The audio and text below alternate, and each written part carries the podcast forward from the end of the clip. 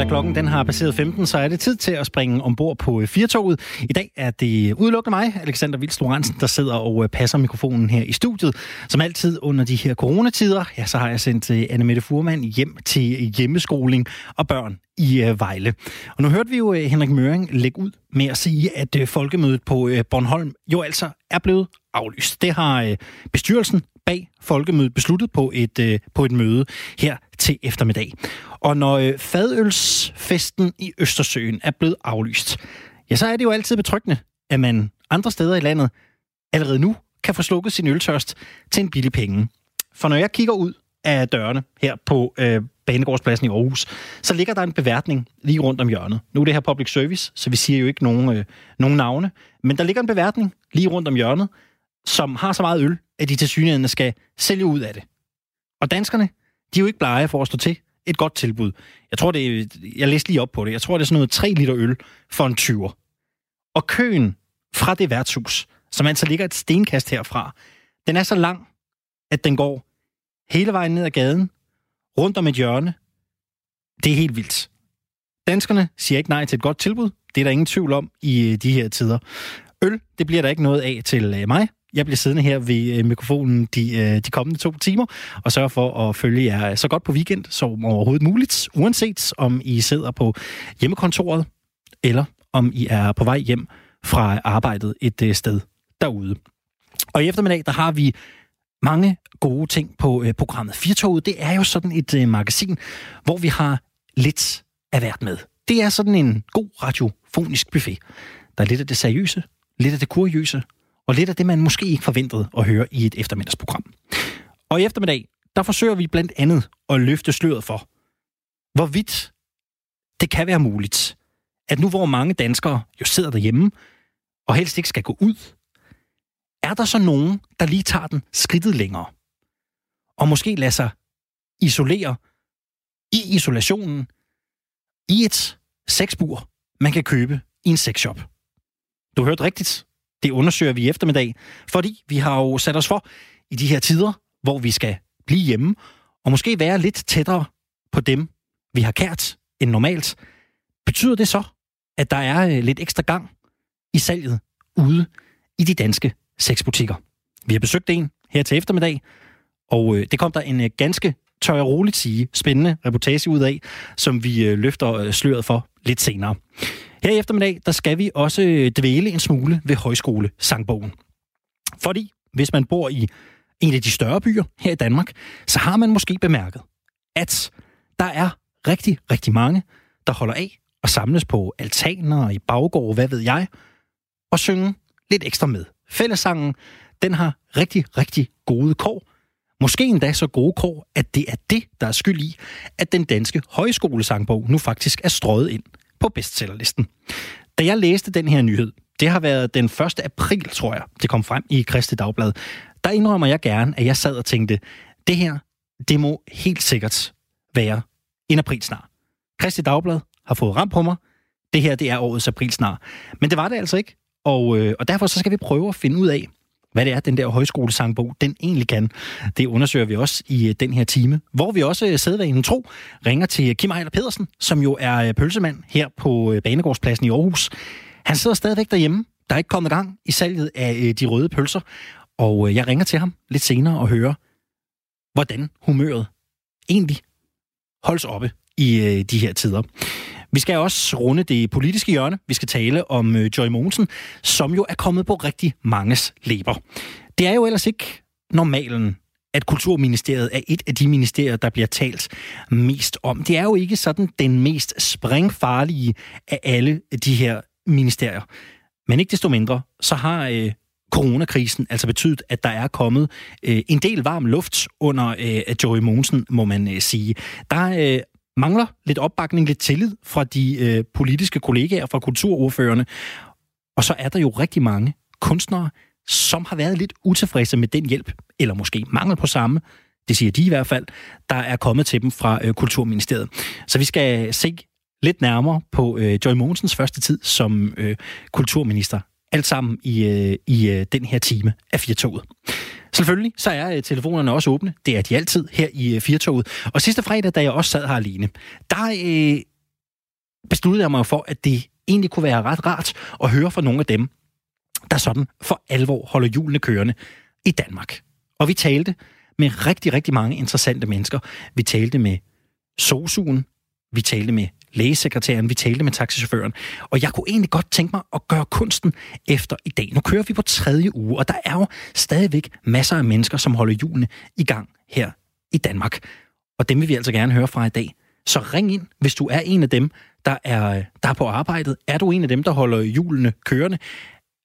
Det er ikke så vigtigt, at du øh, nødvendigvis befinder dig ude i det, vi kan kalde den virkelige verden. Du kan også sidde hjemme fra hjemmekontoret og styre verden, styre din hverdag. Du er velkommen til at, at ringe her ind og tale med mig i Firtoget. Telefonen de er åbne her til eftermiddag, og du kan ringe til mig på 72 30 44 44. 72 30 44 44. Lad os få øh, Danmarks øh, største samtalesalon i gang her på øh, Firtoget. Det kunne være øh, så hyggeligt. Så holder du julene kørende i Danmark, ring ind, tal med mig. Hvad gør du? Hvad øh, holder dig kørende? Hvad er din beskæftigelse? 72 30 44 44. Men inden vi øh, for alvor går i gang med øh, nogle af de her ting, vi har på øh, programmet, så lad os lige øh, kaste et blik ud i øh, det store udland. For mange har jo øh, spekuleret i, hvordan vi egentlig er blevet ramt af den her øh, covid-19-situation, der har lagt hele verden ned. Man er jo kommet dertil, at man øh, har fundet ud af, at smitten den nok stammede fra et øh, dyremarked i Wuhan. Og det er heller ikke nogen hemmelighed, at mange ikke har følt sig for fine til at øh, se lidt på kinesernes madvaner. Det har man også selv gjort i Kina nu, hvor man i øh, Shenzhen, som det første sted i Kina, nu har forbudt servering af hund og kat. Simpelthen, det er slut med stik chihuahua og retriever ragu. Det anslås, at der årligt spises 30 millioner hunde i Kina, selvom øh, langt fra alle naturligvis har en øh, kærlighed for at indtage det, mange andre måske vil kalde et øh, kæledyr. Dyrerettighedsorganisationer, de roser øh, tiltaget fra Kina, og det kan egentlig også godt være, at det er øh, ganske fornuftigt i den her tid, at den eneste hund, man nu kan indtage, er en hotdog, og den eneste kat, der smelter på tungen, det er en KitKat. Og med den øh, lidt øh, halvhjertede onkel-joke serveret, så lad os øh, blive en smule i udlandet og springe videre til CNN, der i den øh, forgangne uge havde prominent besøg af den øh, danske finansminister Nikolaj Vammen fra Socialdemokratiet, der fortalte om de danske myndigheders håndtering af coronakrisen. Og se, når man laver så meget radio, som øh, jeg gør per uge, og næsten føler, at det er ens liv, som det jo også bogstaveligt talt er i den her tid, når alt andet er lukket ned, så skulle man jo tro, at man ville holde sig lidt for fin til lige at slå en sjov krølle på andres udtalelser, når man selv har et job, hvor man snubler i øh, ord hele tiden. Men øh, sådan er jeg øh, nu ikke. For Nikolaj Vammen, han demonstrerede excellente engelskkundskaber og udtaler i øh, sit interview med, øh, med CNN. Lad os lige prøve at høre, hvordan det egentlig lød, da han blev interviewet af det amerikanske nyhedsmedie her. So uh, it is a cooperated effort between all parts of, of the Danish government and uh, also, of course, uh, the the people uh, in authorities in health, but also in other parts of, of the Danish society, with business, with labor, and with the ordinary Danes, saying this is something we have to get through together, and we have to work together if we are to be successful. Ja, det lyder, det lyder godt, ikke? Something, something, something, something, something, something, something, something, something, something. Nogen ville måske mene, at hvis man kigger ud i den musikalske branche, så kunne Nikolaj Vammens CNN-interview endda have potentiale.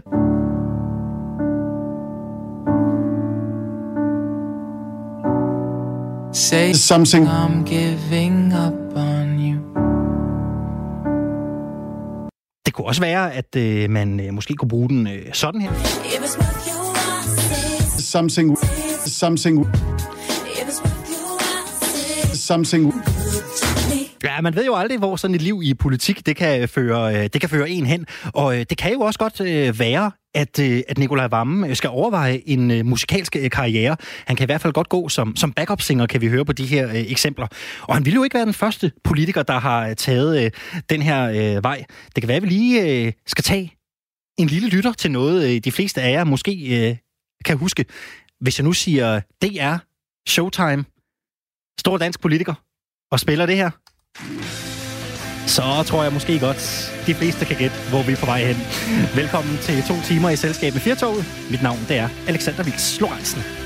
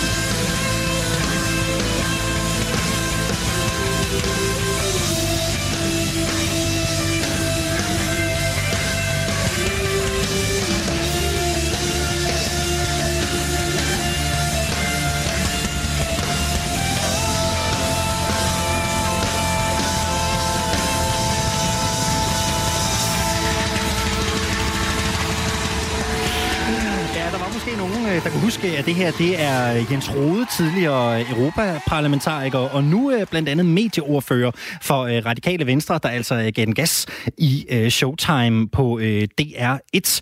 Et, øh, på et nummer, der hedder Transparent and Glass-like, som jo nok mest er kendt for Carpark North. Om det her var en bedre version, det tror jeg, jeg vil op til den enkelte at bestemme. Men vi bliver lidt ved kultur, vi bliver lidt ved kulturordfører, vi bliver ved kultur politik. For kulturminister Joy Mogensen er havnet i det øh, måske værste politiske stormvær i sin karriere. Politiske modstandere og udøvende kunstnere har ikke holdt tilbage med kritikken af Joy Mogensens prioriteringer af kulturen her under coronakrisen, hvor holdningen har været, at hjælpen ikke har været tilstrækkelig i de eksisterende pakker, der jo ellers har skulle hjælpe virksomheder og selvstændige. Faktisk så har øh, flere partier krævet forhandlingerne om støttepakker til kulturen flyttet fra Kulturministeriet til Erhvervs- og Finansministeriets bord. Dyreparkerne de har nu fået støtte fra øh, Joy Mogensen. Højskolerne har fået støtte, og medierne de har også fået 180 millioner. Men med det stormvejr, der har været nu, ja, så synes vi egentlig, at det i dag kunne være lidt relevant at dvæle ved, hvordan Joy Mogensen egentlig er kommet fra sin første tid som kulturminister. Og det kan Troels Møllenberg hjælpe os med. God eftermiddag, Troels. God eftermiddag. Du er politisk øh, redaktør på øh, TV2, og også en øh, god ven her på øh, Firtoget. Troels, hvis vi sådan starter helt oppe i, i helikopteren, hvordan er Joy Mogensen kommet fra start som kulturminister? Altså i det hele taget, så hvis man kigger på det, nu var hun, hun, hun var på overlov af personlige øh, årsager, så hun først rigtig kommet tilbage her inden for, de for, for et par måneder siden. Øh, og øh, man må sige, at det første, man så for alvor hører fra hende, det er jo så her i, øh, i coronakrisen, hvor at, øh, at man ikke fornærmer hende ved at sige, at det var ikke en god øh, start. Hun kom så efter det lidt af, af ugen her, der er gået, men hun fik øh, øh, alle partiernes kultur over medieordfører på, på nakken i løbet af meget kort tid, og det er imponerende med, med negativt foretegn. Det har jo været rigtig, rigtig svært for Joy Mogensen også at navigere i de behov, som jeg sagde i introen, som mange kunstnere har haft. Øh, de mener simpelthen, at, at, at Joy har været ude af synk med kunstnernes yeah. behov. Øh, blandt andet har, har lederen af, af Aros øh, sagt, at, at der mangler nogle konkrete udmeldinger, der er til at forstå, og derfor er det museum jo øh, blandt andet gået i gang med at sælge ud af deres værker, simpelthen for at få, få, få penge ind. Øh, Troels øh, Møllenberg, hvis vi skal vurdere det politiske øh, boldøje hos kulturministeren, hvordan tegner det sig så? Jamen, det, her, det jeg tror, som er, er, er gået galt i første omgang, det er jo i kommunikationen også mellem øh, kunstnere eller kulturlivet øh, øh, som sådan, og kulturminister, fordi der er ofte en noget øh, skæv forventning hos mange dele af kulturliv om, at øh, en kulturminister sådan kan lave mirakler øh, og, og kan komme med en hel masse både penge og alle mulige andre, opfylde en masse andre ønsker. Og der øh, skal man jo, glemmer de i hvert fald nogle gange i kulturlivet, at, at kulturen er faktisk noget af det, der fylder allermindst for en regering. Øh, og det, for at sige det direkte, det er den lavest rangerende minister i i, hvad kan man sige, i rangfølgen, øh, og der er altså ikke afsat øh, flere penge til noget som helst øh, øh, på kulturområdet, som det ser ud nu. Og så tror jeg også, man skal huske, at Socialdemokratiet, som nu sidder en etpartiregering, har jo ikke haft kulturministerposten i, i flere årtier, øh, og øh, nogen vil mene, at, Socialdemokratiet ikke rigtig har haft en kulturpolitik i, i mange årtier, til trods for, at nogen sikkert vil huske både Bumholdt og, og Niels Mathisen og andre navnkundige øh, øh, øh kulturminister i tidens løb, så er det ligesom om, at, at, at Socialdemokraternes kulturpolitik, øh, den har været øh, usynlig og ikke eksisterende, og har mest været noget med, at, øh, at, at, at det ikke må blive elitært. Og det er jo svært for, forstå for mange kunstnere øh, og, og, og, og kulturlivet, fordi kulturlivet på mange måder jo er øh, øh, elitært. Det er sådan set en del af pointen med noget af det i hvert fald. Altså det her med, at det skal, noget af det må godt være svært tilgængeligt. Det skal være øh, øh forfattere, der laver vanskelige ting, som, som, øh, som øh, bidrager til, at samfundet bevæger sig og den slags. Så, så der er sådan en eller anden form for øh, øh, en dårlig grundstemning imellem Socialdemokratiet og øh, kulturlivet øh, allerede øh, ved indgangen til, til, til i år. Troels Møllemann, nu siger du, at, at kulturministeren er den, øh, den ja, direkte sagt den lavest rangerende minister på, på Slottholmen. Hvordan kan man sige det? Har det noget med, med budgetterne at gøre, Troels, eller er det bare sådan en, en, en common sense viden, der Nej, er i det politiske Danmark?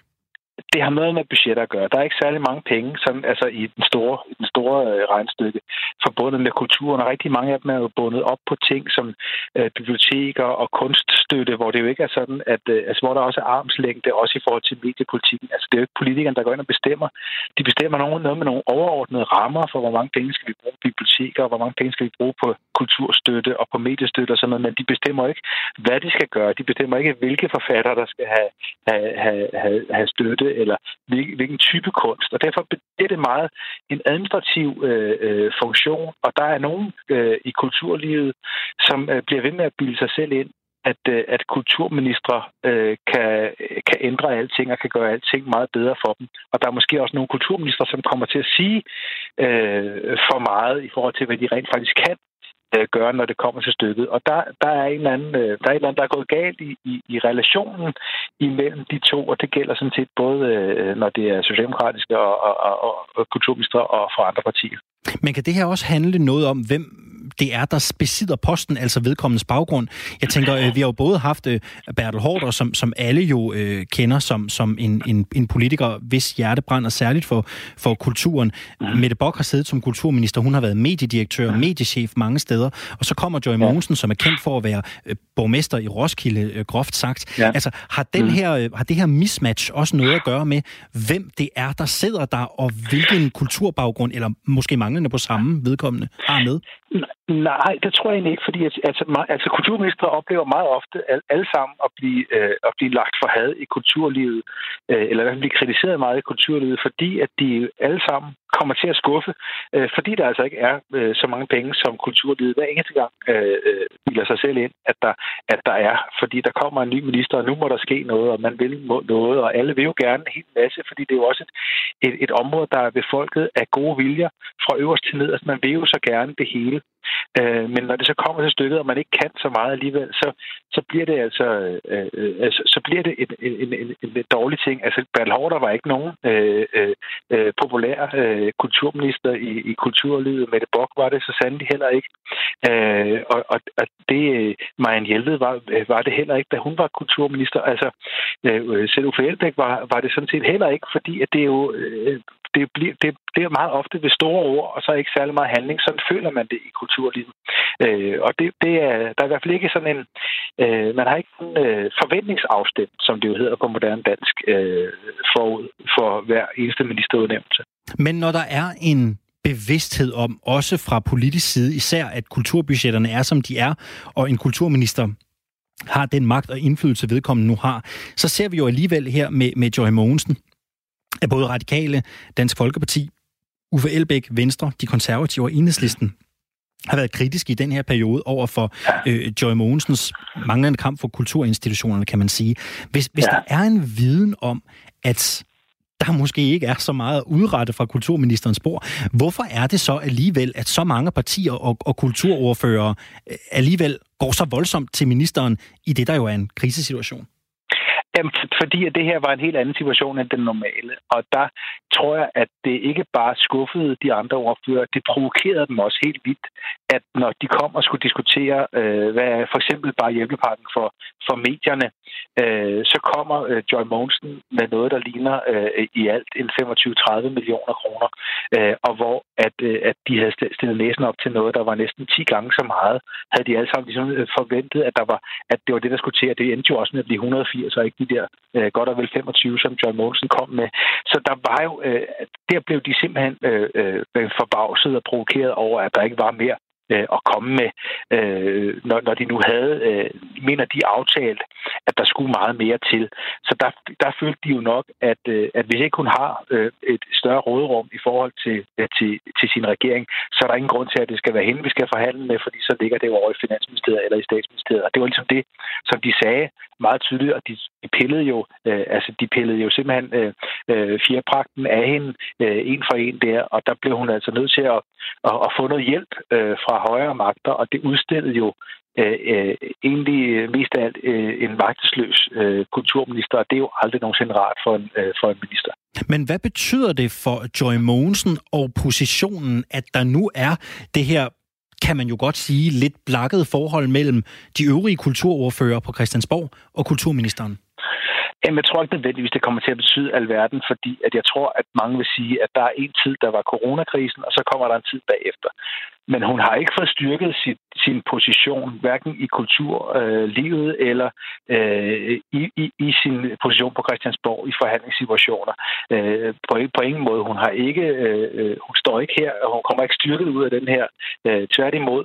Øh, så hun skal starte forfra. Man kan sige, det, skulle hun, øh, det skal hun sådan set igen. Øh, og, og hun har jo øh, formået Øh, også med nogle udtalelser, som hun selv mener er blevet fordrejet, men som i hvert fald øh, har sat sig hos rigtig mange om, at det var nærmest upassende at tale om kultur, og har mm. gen, genfortalt en forståelse af, at, at kulturen var ligesom underordnet alt muligt andet, øh, og var flødeskum på, på alt muligt andet. Der har hun jo på en eller anden måde fået en helt Øh, kulturbranche imod sig, fordi de jo også siger, jamen prøv at høre, der omsættes altså for, for, jeg tror, det er 250 milliarder kroner om året i kultur- og oplevelsesindustrien.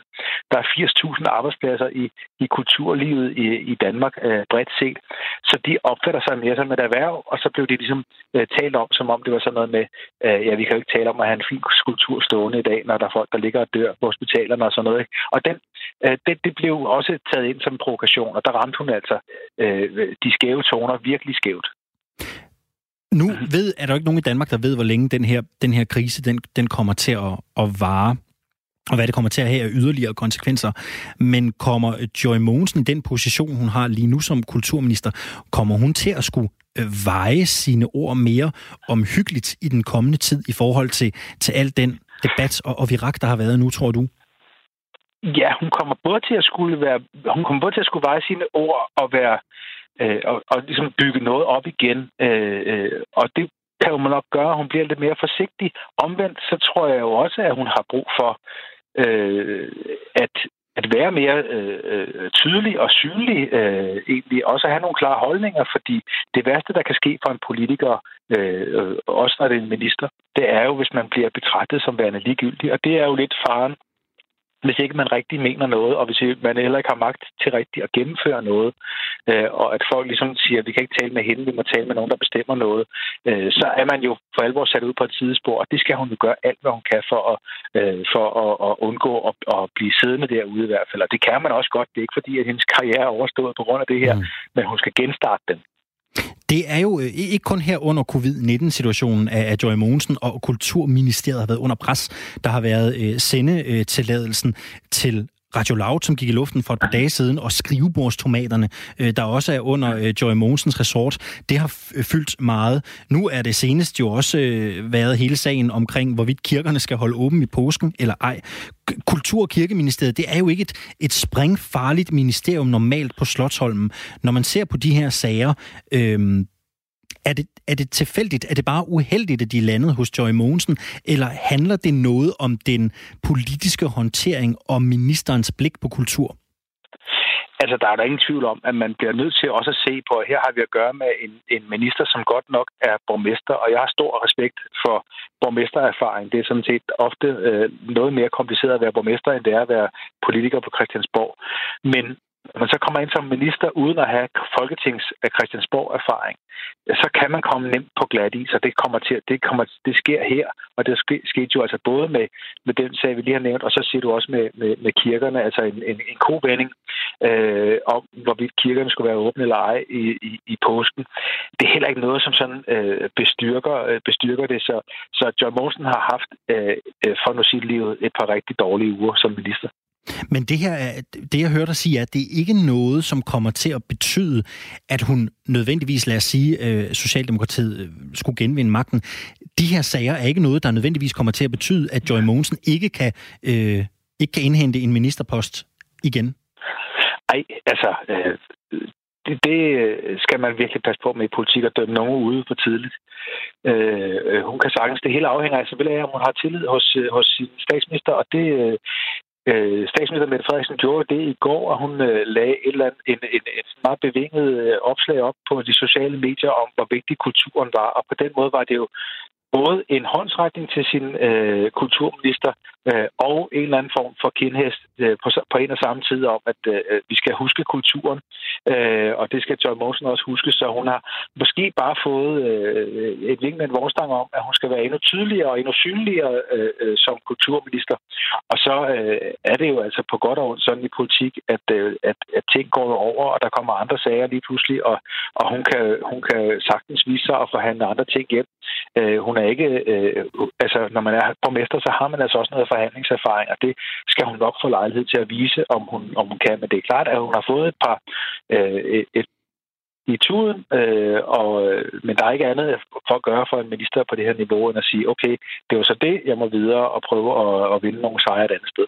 Der er jo rigtig mange, der allerede på øh, Facebook, mange øh, hverdagskommentatorer, lad os, lad os kalde dem det, øh, der har spået, at, at, at håndteringen af kulturlivets behov under øh, covid-19 øh, kommer til at, at, at koste Joy Mogensen ministerposten. Dit bud, hvordan, hvordan tror du, hun, hun kommer ud af, af, af, den her, af den her krise, ganske kort? Hun, hun er svækket øh, politisk, øh, og hun er svækket i sit omdømme, men det er altså ikke øh, hverken øh, hverdagskommentatorer eller det, øh, der gør det til fest, det kunne være os andre, øh, som bestemmer det. Øh, så det kan sagtens lade sig gøre. Det er en statsminister, der afgør, om hun skal blive siddende, og lige præcis nu er der ingen grund til at skulle flytte nogen minister. Det vil ses som, øh, som at man ikke har styr på sin, på sin bæk, så det er det sidste, Mette Frederiksen har, har brug for i øjeblikket. Så, så Joy Mogensen er i mine øjne ikke øh, troet, som tingene ser ud lige nu. Så nød vurderingen fra Troels Mühlenberg, der altså er øh, politisk redaktør på TV2. Du lytter til øh, Firtoget her på øh, Radio 4, hvor øh, det jo kun er Alexander Lorentzen, der sidder i studiet til eftermiddag. Og det betyder jo selvfølgelig også, at der er god tid til at ringe ind og få en snak, ikke bare med mig, men med hele Danmark. Og sidste fredag, der brugte vi jo en væsentlig del af vores tid, lad os bare sige det sådan, på at tale med nogle af dem, der er med til at holde julene i gang i Danmark. Og det vil jeg egentlig gerne gøre efter i dag. Så er du en af dem, der holder Danmark kørende. Enten bogstaveligt talt ved at køre bus, ved at køre taxa. Måske er du øh, lastbilchauffør og er en af dem, der sørger for, at øh, butikkerne de er øh, præsentable og fyldt op med gode varer hver dag. Det kan også være, at du arbejder i sundhedsvæsenet, så vil vi rigtig gerne tale med dig. Eller du har et job, i restaurationsbranchen, du står på en grill, hvad ved jeg, ring her ind øh, til øh, Firtoget på 72 30 44 44, 72 30 44 44. Og derudover, så vil jeg da også sige, at øh, i den her tid, som er lidt øh, exceptionelt for mange af os, der er det altså også okay at, at ringe herind, hvis man har lyst til at tale om noget helt andet end covid-19. Telefonerne de er åbne 72 30 44 44. Du kan også sende mig en sms. Du skriver R4, laver et uh, mellemrum, send, skriver din besked og sender den afsted til 1424. Radio 4 taler med Danmark. Og rigtig mange, de synger jo også med Danmark, for i de her tider, der synger vi online fælles morgensang. Danskerne, de synger i en grad, som vi sjældent har set før. Og nu har Højskole-sangbogen simpelthen ramt bestsellerlisten for første gang. Og det er altså en bog, der udkom første gang i 1894. Jeg læste den her historie i øh, Kristi Dagblad den 1. april. Og jeg skal ærligt indrømme, jeg troede faktisk, det her det var en øh, aprilsnar. Jeg troede, at øh, avisen havde fået mig ned med nakken. Men den er altså øh, god nok. Historisk set, der har vi i Danmark brugt fællesang under kriser. Det har vi set i 1864 og under 2. verdenskrig. Og nu ser vi det altså også her i coronakrisen. Nu kan jeg sige øh, god eftermiddag og velkommen til dig, Marie Højlund. Goddag. Du er øh, komponist og ø, lydkunstner. Først og fremmest, har du selv en udgave af Højskolesangbogen? Det har jeg faktisk. Ja, bruger du den tit? Nej, jeg bruger den faktisk ikke særlig meget, men øh, vi synger ikke sådan en fællesang øh, i den lille familie her, men jeg bruger den rigtig meget, når jeg har været ude i verden og synge fællesang sammen med andre. Men lige herhjemme gør jeg ikke så meget.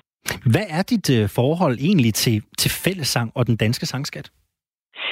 Ja, men jeg har jo sådan et forhold, som mange måske har, øh, hvor at jeg er vokset op med de her sange. Øh, måske lidt mere end, mange andre, fordi jeg, min far var præst, og jeg var med tit og lyttet til de her sange, men, men har så også sådan et, måske som mange andre, også sådan lidt et, et havde kærlighedsforhold til det på den måde, at jeg kan også godt føle mig, føle mig fremmedgjort for de der sammenhæng, eller den måde, man, man nogle gange har sunget de her sange øh, i kirken eller i tilfælde sang. Så, så et meget dobbelt forhold. Og så kan man sige, at de seneste år har jeg så været rigtig meget inde i sangskatten med, med en forestilling på Aarhus Teater, hvor, der hedder Lyden, hedder Lyden af de skuldre, vi står på, hvor vi har taget de her sange op og lavet nye versioner af det.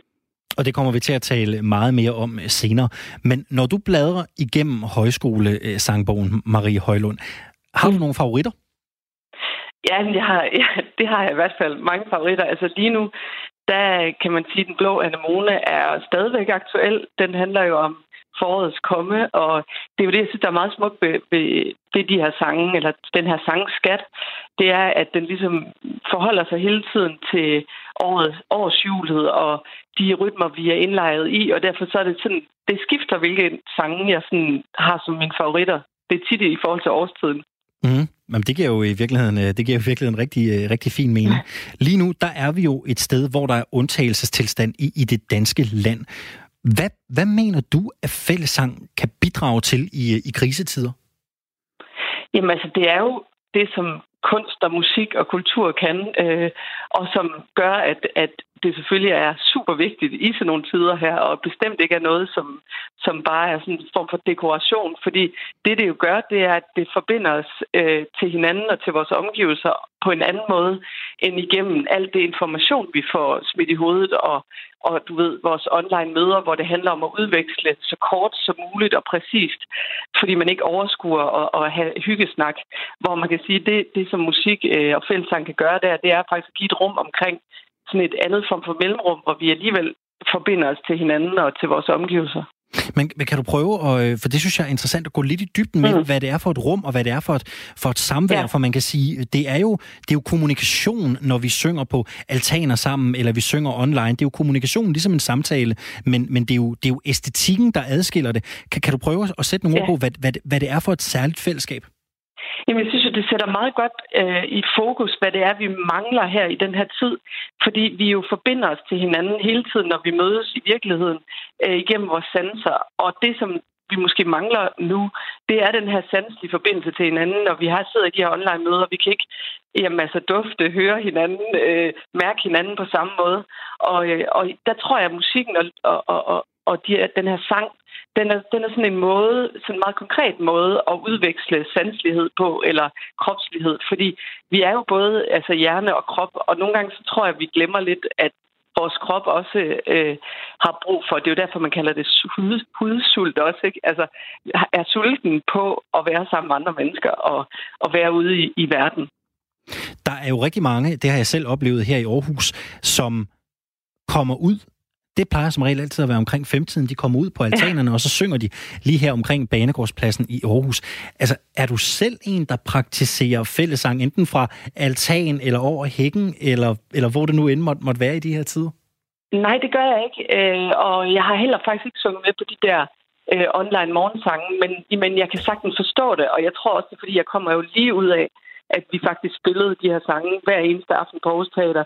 Øh, og jeg synes jo på en måde, det var meget smukt. Det bliver afbrudt. Vi, vi fik ikke de sidste tre forestillinger med, men det fortsatte så på en eller anden måde i, i den her fællessangs online øh, kultur, der er opstået. Og, men jeg har også tænkt over, at der er det her selvfølgelig det her element af at dele, hvor man går ud på sin altan. Men der er også et andet element, som er, at, der, at vi jo faktisk får mulighed for at synge med, uden folk kan høre os. Og det, det synes jeg jo også er ret fint, fordi der er faktisk mange, som føler sig lidt fremmedgjort fra at synge i en forsamling sådan ude i virkeligheden. Men nu kan man egentlig få lov til det, uden at alle mulige andre hører på en. Lad os lige øh, dvæle lidt ved den forestilling, du var, du var inde på. Den er også tidligere blevet omtalt her i, øh, i Radio 4's øh, kulturprogram øh, Kreds. For du har jo sammen med, med Simon Kvam omskrevet en masse øh, gamle sangskatte til den, til den her prisvindende mm. teaterforestilling Lyden af de skuldre, vi står på. Den er for nylig blevet genopsat på Aarhus Teater. Altså, har du lært noget nyt efter, at forestillingen er blevet opført igen? Ja, altså jeg synes, jeg var egentlig ret nervøs for det der med at skulle være med i en genopsætning, fordi jamen, altså man tænker jo, kan, vi, kan, vi, kan det blive ved med at være nyt og frisk for os? Men, men jeg oplevede lidt det samme som det, jeg nævnte i starten med, at, at de her sange, de forandrer sig i forhold til, hvor man selv er i ens liv. Så, så nogle af de sange, vi, der, der sagde mig en hel masse på en bestemt måde første gang. Lige pludselig så var det nogle andre temaer, jeg lagde mærke til. Eller, og, jeg, og jeg tror jo, det er derfor, de her sange har overlevet så lang tid. Det er, de har mange lag, og de har mange måder at kunne kunne forstås på, altså forståelsen af dem opstår ligesom i relation til omgivelserne og verden, hvordan ser verden ud i dag. Så lige pludselig så fik, altså i hvert fald her i coronatiden, så kom jeg til at tænke på den her øh, Her vi Tis, her vi blive, som er en sang, der handler om at vente, og at øh, man skal holde ud øh, og der ligger en kraft i det at vente og være tålmodig. Og det, det er jo i hvert fald blevet tydeligt for os alle sammen, hvordan vi alle sammen har brug for den her tålmodighed. Når man tager de her sangskatte, som mange måske er vant til enten har sunget øh, på højskole eller i sådan mere intime rammer, når man omskriver dem og fremfører dem på en teaterscene, hvad hvad sker der med produktet, Marie? Det kunne jeg egentlig godt tænke mig at høre lidt om. Altså, hvad sker der, når man, når man tager de her samskat ind, man behandler dem selv, mm. og så fremfører man dem for sådan et, et stort publikum. Hvad sker der med produktet? Altså, jeg tror, det, det handler meget om, hvem lytterne er, fordi dem, der kender de her sange rigtig godt, vil opleve det på en anden måde. De vil opleve, at der kommer sådan en, et, øh, et brud i den måde, de måske har hørt meget af de her sange på før. Og, og det kan selvfølgelig være provokerende, men jeg oplever også rigtig mange, der har, der har hørt det, øh, netop hørt øh, nogle andre ord, lagt mærke til nogle andre ord, lagt mærke til nogle andre ting i melodien, ved at de bliver så at sige, drejet, altså sangene bliver drejet, og så ser man dem fra en anden side. Øh, og altså, for mig i hvert fald, så tænker jeg, at jeg, når jeg hører en, en anden version af nogle sange, jeg kender godt, så, så øh, bliver både den nye sang og den gamle sang på en måde forstærket af hinanden. Det er i hvert fald sådan, jeg tit oplever det. Altså undtagen, hvis det bare er, er dårlig, en dårlig fortolkning. Men øh, det, det håber jeg selvfølgelig ikke, det var for folk. Øh, så det er det ene. Og så det andet, det er folk, der ikke kendte de her sange, øh, eller unge mennesker, der ikke har det forhold til dem. Der har vi også forsøgt at give en anden indgang til øh, de her sange, fordi man kan nogle gange nærmest have sådan en filter på ørerne, når man hører sangene på, på en bestemt måde, hvor man egentlig glemmer, eller man, man, man, man overhører egentlig, hvad der ligger i nogle af teksterne, og hvor mørke nogle af teksterne er, og hvor mange lag de indeholder. Øh, og det synes jeg øh, er ærgerligt, fordi at der ligger virkelig nogle, øh, nogle smukke billeder og nogle smukke øh, melodier i de her sange. Nu øh, udkommer du jo her i øh, 2020 med et album under kunstnernavnet øh, KH Marie, du er særdeles entreprenant. Og din anden single, Blå Bjerge, den udkommer faktisk i dag. Har højskolesangen haft betydning for den måde, du har, du har skrevet ny musik på? Jamen, det har faktisk haft meget konkret betydning for mig, fordi jeg tidligere, når jeg har lavet popmusik, så har jeg udgivet det på engelsk, øh, altså sunget på engelsk. Øhm, og det har der også ligget en form for tryghed i, øh, øh, hvor at man kan sige, det, det at jeg har været med i den her forestilling, eller lavet de her sange sammen med Simon, og så også jo ind i Nephew har, har spillet øh, sunget på dansk. Det har gjort, at jeg har ligesom fået en, en vej ind i det at synge på dansk. Så de her nye sange, der, der kaster jeg mig så ud i det. Og det, det, er, øh, det føles meget sårbart, men, men det er også, øh, føles også rigtigt, øh, og det er rigtigt tidspunkt for mig at gøre det på, fordi det ligesom det skal have sin tid, og det er af en eller anden grund, nu, nu har jeg jo, vi har jo lavet de her sange over de seneste halvandet år, men af en eller anden grund, så lander de lige på det rigtige tidspunkt, og sådan kan man jo godt føle, at man på en måde har sendt en, en tidskapsel frem i, i fremtiden, øh, inden man vidste, at det bliver aktuelt. Om cirka 8 måneder, så udkommer den 19. udgave af Højskolesangbogen, hvor der vil blive øh, tilføjet nye sange. Håber du øh, engang øh, selv på at blive optaget i den lille øh, blå sangbog? Ja, altså det, det, det er ikke sådan en stor drøm, jeg har eller har haft, men, men i Nephew havde vi jo øh, helt klart det, det mål at få rigtig mange mennesker til at synge med på både nogle af de gamle sange, men også øh, specifikt en sang, øh, øh som vi lavede, som som faktisk var ment som sådan en, et nyt bud på en højskolesang. Og det, altså hvem ved, måske kommer den med. Så har jeg haft en finger med i spillet i hvert fald. Fantastisk. Tusind tak skal du have, Marie Højlund, fordi du havde lyst til at være med. Og øh, tillykke med øh, det kommende album og singleudgivelsen i dag. Tusind tak skal du have. Her på øh, Firtoget, der taler vi naturligvis om højskolesangbogen i dag, fordi den jo også har haft noget af en betydning for noget af det, vi ser øh, på gader og stræder her under covid-19-situationen i Danmark. Folk, de, øh, de synger i den grad øh, løs på gader og stræder. Men vi vil jo også gerne tale lidt med nogle af dem, som knokler derude i de her tider. Tale om nogle af dem, som måske bliver glemt i en hverdag, hvor der jo ret ofte bliver talt om dem, der sidder derhjemme. God eftermiddag og velkommen til dig, Finn. Jeg siger jo tak. Hvor ringer du fra i landet? Øh, jeg ringer ned fra Høng op i uh, Kalamborg her. Nå, skønt. Det er jo nærmest på min uh, hjemmeegn. Jeg er fra Jyderup-kanten, så vi er jo ikke langt fra. Nej, det må man også sige. Vi er ret tæt på hinanden, må man sige. Lige præcis. Det er dejligt.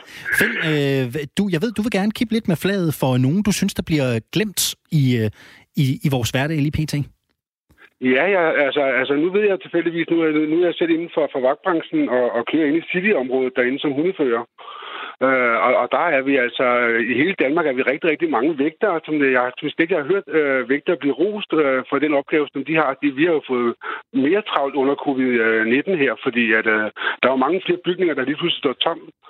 Øh, og så skal vi jo gå rundt og, og kontrollere alle de her bygninger og, og hvad der ellers skal være, og kaffemaskiner og you name it. Og jeg tror mig, vi tager på rigtig, rigtig mange håndtag.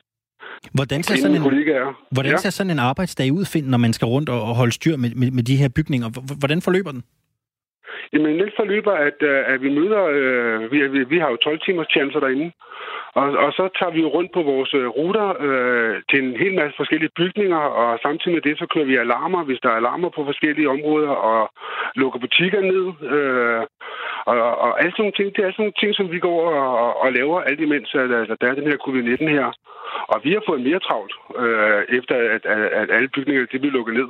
Det er, det, det er der slet ikke nogen tvivl om, men jeg synes bare aldrig, jeg har hørt nogen sige, det er sgu godt gået, dreng. Vi er Hvad, trods alt øh, omkring 1000 mennesker om natten derude, ikke? ja, og man kan jo sige, at her i, her i Aarhus er der jo rigtig mange, der også øh, tjekker billetter i busserne. Det gør vagtselskaberne også her. Øh, De går det de på banegården og i storcentrene og sikrer sig, at folk ikke sidder og spiser, øh, hvor de ikke må spise. Øh, Der er jo rigtig mange, øh, der er jo rigtig mange der, der knokler derude. Finn, jeg kunne godt tænke mig at høre, når du nu siger, at I har ekstra travlt, og I tager fat i mange håndtag, og I kommer jo steder, hvor der potentielt har været syge mennesker. Hvilke, hvilke forholdsregler tager I her i forbindelse med jeres arbejde? Altså, vi, har, vi, vi tager forbehold for, at, øh, at vi har vores, øh, vi har, vi har spritflasker i vores biler, som vi, øh, inden vi går ind, og når vi går ud, så, så, går, så spritter vi fingrene, og samtidig med det, når vi går rundt i bygningerne, så går vi og spritter fingre af sådan jævnligt hele tiden, og vasker fingre hele tiden. Og det er sådan set de forbehold, som vi, vi kan tage. Øh, man kunne godt sige, at, øh, at vi kunne tage handsker på, ligesom, øh, og det har vi også. Det har vi også fået udleveret. Men der var det, at når vi går rundt og tager på håndtag med handsker, og vi skal ned og have fat i vores øh, nøgler i lommerne, eller kort i lommerne, eller hvad ved jeg, så, så kan, er der jo mulighed for, at vi har det rundt omkring på tøjet. Så for at undgå det, så, så går vi og spritter fingrene af hele tiden, og det er vores, øh, det er vores form for sikkerhed øh, ved det her covid-19 her. Så, øh, Er så du- det, det, det er det, vi går og laver. Altså, er du og dine kolleger, er, er I nervøse for at gå på arbejde? Nej, nej, nej, vi er ikke nervøse, fordi at, øh, vi tager alle, alle mulige forbehold, og vi sørger for, at hvis der er nogen i bygningerne, som vi skal snakke med, jamen, så sørger vi for, at vi har tre meters øh, afstand imellem hinanden. Og, men, men det er meget sjovt, at vi bliver, vi bliver ved med at skulle sige til folk, vi holder lige afstand, når vi snakker sammen her. Øhm, og, og, og det er det, er det som vi, øh, som vi kan, kan, kan gøre for vores sikkerhedsdel, ikke? Og så holder vi selvfølgelig afstand til, til alle folk derude. Øh, og så har vi et tæt samarbejde med politiet, og øh, når, der- når, når, når der er indbrud og sådan noget der, så er det jo politiet, der kommer ud. Altså, jeg var på overfaldstryk i går, øh, hvor, hvor folk de, ligesom, ligesom stemte lidt sammen, og hvor, vi må gå, hvor jeg må gå ud og sige til dem der, tag nu lige en gang ryk, her, der er altså stadigvæk covid-19 her, selvom vi, vi snart måske er færdige, ikke også? Og det er sådan nogle ting, som vi gør, og så Prøv at høre, vi... og øh, det, jeg, jeg synes bare, vi skal have en stor tak. Øh, Det skal have en stor tak til de, de der drenge og damer der, der går derude. Altså, jeg synes, det, det, det, det, det er et overset lille folkefærd, synes jeg. Ved du hvad, det tror jeg, vi alle sammen kan blive enige om. Nu sender vi øh, i hvert fald på vegne af hele Danmark en øh, stor tak. Finn, vil du ikke øh, være så venlig og give den videre til alle dine kolleger, der knokler ud, der knokler løs derude? Det lover jeg dig. Tak Det skal du lover jeg, have. det gør jeg dagligt, når jeg er på arbejde. Hvor er det, hvor er det dejligt at høre. Og have en, have en god eftermiddag og en god weekend, når du kommer dertil. Jeg siger jo tak, og så fortsætter jeg dejligt at høre, at I, I er ude i æderen. Jeg hører det dagligt. Tak skal du have, tak skal du have. Jeg tager den med videre, du. Ha' en god eftermiddag. Halløj. Og vi øh, har altså plads til mange flere lyttere her. Er der nogen, vi glemmer derude? Er der nogen, vi bør hylde? Ring ind til os på øh, 72 30 44 44. 72 30 44 44. Du er selvfølgelig også velkommen øh, til at ringe, hvis du bare gerne vil fortælle lidt om, hvordan du holder julene kørende derude. Telefonerne de er åbne frem til klokken den bliver 17. Så det er jo fast tradition her i Firtoget om fredagen, at vi får en gang øh, pølsemix. Vi snakker med Kim Ejler Pedersen, som er øh, pølsemand her på Banegårdspladsen i Aarhus, og det skal vi naturligvis også gøre i dag. Dog kan jeg ikke gå ned til Kim, når jeg kigger ud af vinduet, så er der lukket nede i, øh, nede i pølsebiksen, men så kan vi jo heldigvis ringe til ham. God eftermiddag, Kim Ejler Pedersen. Goddag, Alexander. Kim, prøv at høre her, så kører vi, øh, så kører vi jo på, på uge 3. Hvad, øh, hvordan har humøret det? Jo, det er jo, fint nok. Det fejler ikke noget. Det er jo altid dejligt at snakke med jer. Så ved man, det er fredag, så har man sådan ligesom en tidsfornemmelse af, hvor er de ligesom, hvor vi hen er i ugekalenderen, ikke? Mm-hmm. Så du keder dig ikke mere, eller hvordan? Eller er det blevet mere Jo. kedeligt at være hjemme? Det er jo lidt det samme. Øh, jeg er jo bare glad for, at jeg har øh, Viaplay, og jeg har HBO og sådan nogle forskellige streamingtjenester, så jeg kunne se noget, øh, nogle film og nogle serier og noget, og så få gået nogle ture. Det er sådan lidt det, og så... Ja, det er jo det, man kan få dagen til at gå med. Det er Der er skønt, ligesom ryddet op de steder, der skal ryddes op, ikke? det er skønt at humøret kan, kan holdes op. Kim, vi plejer jo at vende nogle af ugens, øh, af ugens aktuelle øh, historier, noget af det, der sker ude i verden, når vi ringer til dig. Og, og i den her uge, så kunne jeg måske godt tænke mig, at vi, at vi dvælede en smule lidt ved øh, den danske kontra den svenske håndtering af øh, coronakrisen. For mens vi er øh, lukket ned her i øh, Danmark, stort set over hele linjen, så øh, er det jo øh, stadigvæk muligt at øh, komme ud og få sig en på opleveren i øh, det svenske. Man kan stadigvæk gå på restaurant, man kan stadigvæk gå på øh, café, men, øh, men dødstallet, det, øh, det stiger altså voldsomt i, øh, i Sverige dag for dag. Kim, hvad, hvad, hvad tænker du sådan egentlig om, øh, om den danske kontra den, den svenske strategi? Du er jo sådan en mand, der holder dig rimelig øh, informeret. Altså, jeg er jo, jeg er jo, jeg, er jo- jeg vil sige, jeg er noget forundret. Altså, vi har jo det der ganske gode danske udtryk, der hedder forbud Sverige, at øh, alting deroppe er forbudt. Men øh, jeg kan da se, jeg forstår forstå på det hele, vi har taget føretrøjen her, og så tager de den på en lidt mere kedelig måde, ved at øh, de bliver hårdere ramt, vi gør. Ja, det, det virker vanvittigt for mig, men ja, Nu har øh, statsministeren jo så meldt ud, at øh, hvis alt går vel, nu skal vi lige over påsken, mange de kommer jo på påskeferie i dag, og så har vi nogle helligdage næste uge, at vi kan se frem mod en stille og rolig, gradvis åbning af Danmark. Øh, Kim, jeg kan godt tvivle lidt, når jeg kigger ud af mine vinduer i weekenden, og vejret er godt. Folk de er gode til at stemme sammen. Tror du, vi kan, øh, tror du, vi kan holde den i mål, så vi kan komme lidt ud efter påske? Eller, eller hvordan tror du, øh, vi kommer til at håndtere den kommende uge? Altså, man kan jo godt øh, frygte lidt, at når sådan generelt, har synes, at folk vil være flink nok, fint nok til at, holde afstand, og de steder, hvor jeg vil hen og handle og sådan noget. Men, men man kunne godt frygte lidt, som du selv siger, nu begynder det at være, at hvis det bliver bare lidt bedre, og nu er der jo snart lukket op, så kan vi vel godt give den lidt gas. Det tror jeg, det vil være farligt. Tror du, vi kommer til at se en genåbning? Sådan en, en stille og rolig genåbning efter påske? Ja, i et eller andet omfang, ja, men jeg tror også, folk har... Jeg er bange for, at der er nogen, der overvurderer, hvor hurtigt vi kan lukke op. Jeg tror ikke, man kan lukke op i det omfang, folk går og håber på. Det bliver, det bliver gradvist, tror jeg, helt sikkert. Og det bliver ikke, slet ikke i sådan et stort omfang, som folk måske går og håber på. Jamen, det har også været lidt svært at følge med i, ikke? Fordi altså, det, vi har fået at vide, er, at vi måske kan åbne gradvist, men der er jo ikke sådan rigtig blevet talt om, hvad det egentlig er, der kan åbne. Det er vel også sådan lidt, lidt svært at, at spå, tænker jeg. Jeg er da sådan selv lidt, lidt nysgerrig. Altså, det, der, der, der kan du stille op i kø, der tror jeg ikke, du er alene. Øh, men, men jeg tror også, det, hvis man nu skal være lidt, lidt færre over for dem, så tror jeg måske også, det er svært for dem at sige, hvad omfang det bliver. Fordi det tror jeg stadigvæk, de går og tøver på. Og det må vi, gerne, uden at kunne sige det, være noget med den, hvad er den aktuelle situation, og hvad tør vi, hvad tør vi ikke, og hvad er forsvarligt, og hvad er ikke forsvarligt. Kim, øh, her til sidst, øh, planlægger du, eller regner du med, at øh, at åbne for pølsevognen her på den anden side af påske? Eller, eller hvad tænker du om, om situationen? Jeg håber det. Jeg håber det, men, men øh, jeg er ikke udpræget optimistisk. Det må, det må jeg nok indrømme. Jeg kunne godt forestille mig, at vi var et af de ting, som man siger, det er ikke... Øh, vi står nok ikke først i køen til at blive noget af det, der bliver lukket op. Kim, du må have en øh, dejlig påske. Vi tales ved på den anden side af påske. Kan du, øh, kan du hygge dig så længe? I lige måde, og tak for jer. Tak skal du have, du. Hej. Nu øh, nærmer vi os jo igen et nyhedsoverblik her på Radio 4, og sædvanen tro, så skal vi jo også spille en øh, lille smule musik for at holde øh, det gode humør oppe. Og øh, i dag, der øh, springer vi lidt tilbage i tiden og hører noget hiphop. Det hører vi jo ikke så tit her på Radio 4. Vi skal tilbage og have fat i en vaskeægte klassiker.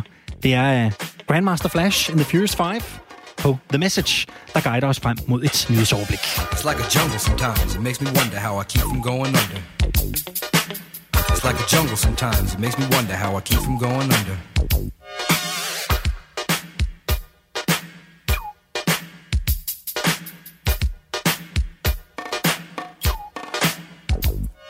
My brother's doing fast on my mother's TV. Says she watches too much, it's just not healthy. All my children in the daytime, Dallas at night. Can't even see the game or the Sugar Ray fight. The bill collectors, they ring my phone and scare my wife when I'm not home. Got a bum education, double digit inflation. Can't take the train to the job, there's a strike at the station.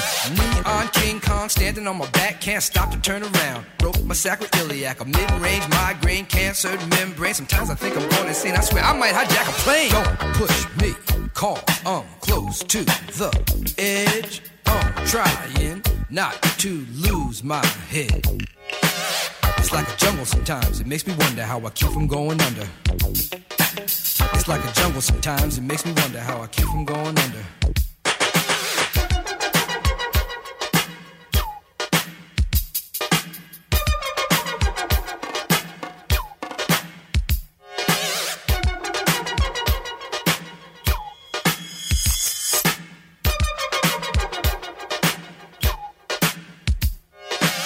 A child is born no state of mind, blind to the ways of mankind. God is smiling on you, but he's frowning too, because only God knows what you'll go through.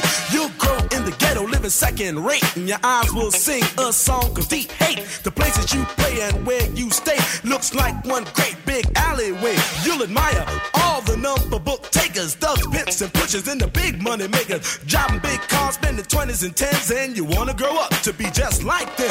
Smugglers, scramblers, burglars, gamblers, pickpocket peddlers, even panhandlers. You say I'm cool, I'm no fool, but then you wind up dropping out of high school. Now you're unemployed. Ja, helt tilbage fra 1982. Hiphop, det kunne sgu et eller andet dengang. Der er meget mere firetoget på den anden side af et øh, nyhedsoverblik. Det får du her.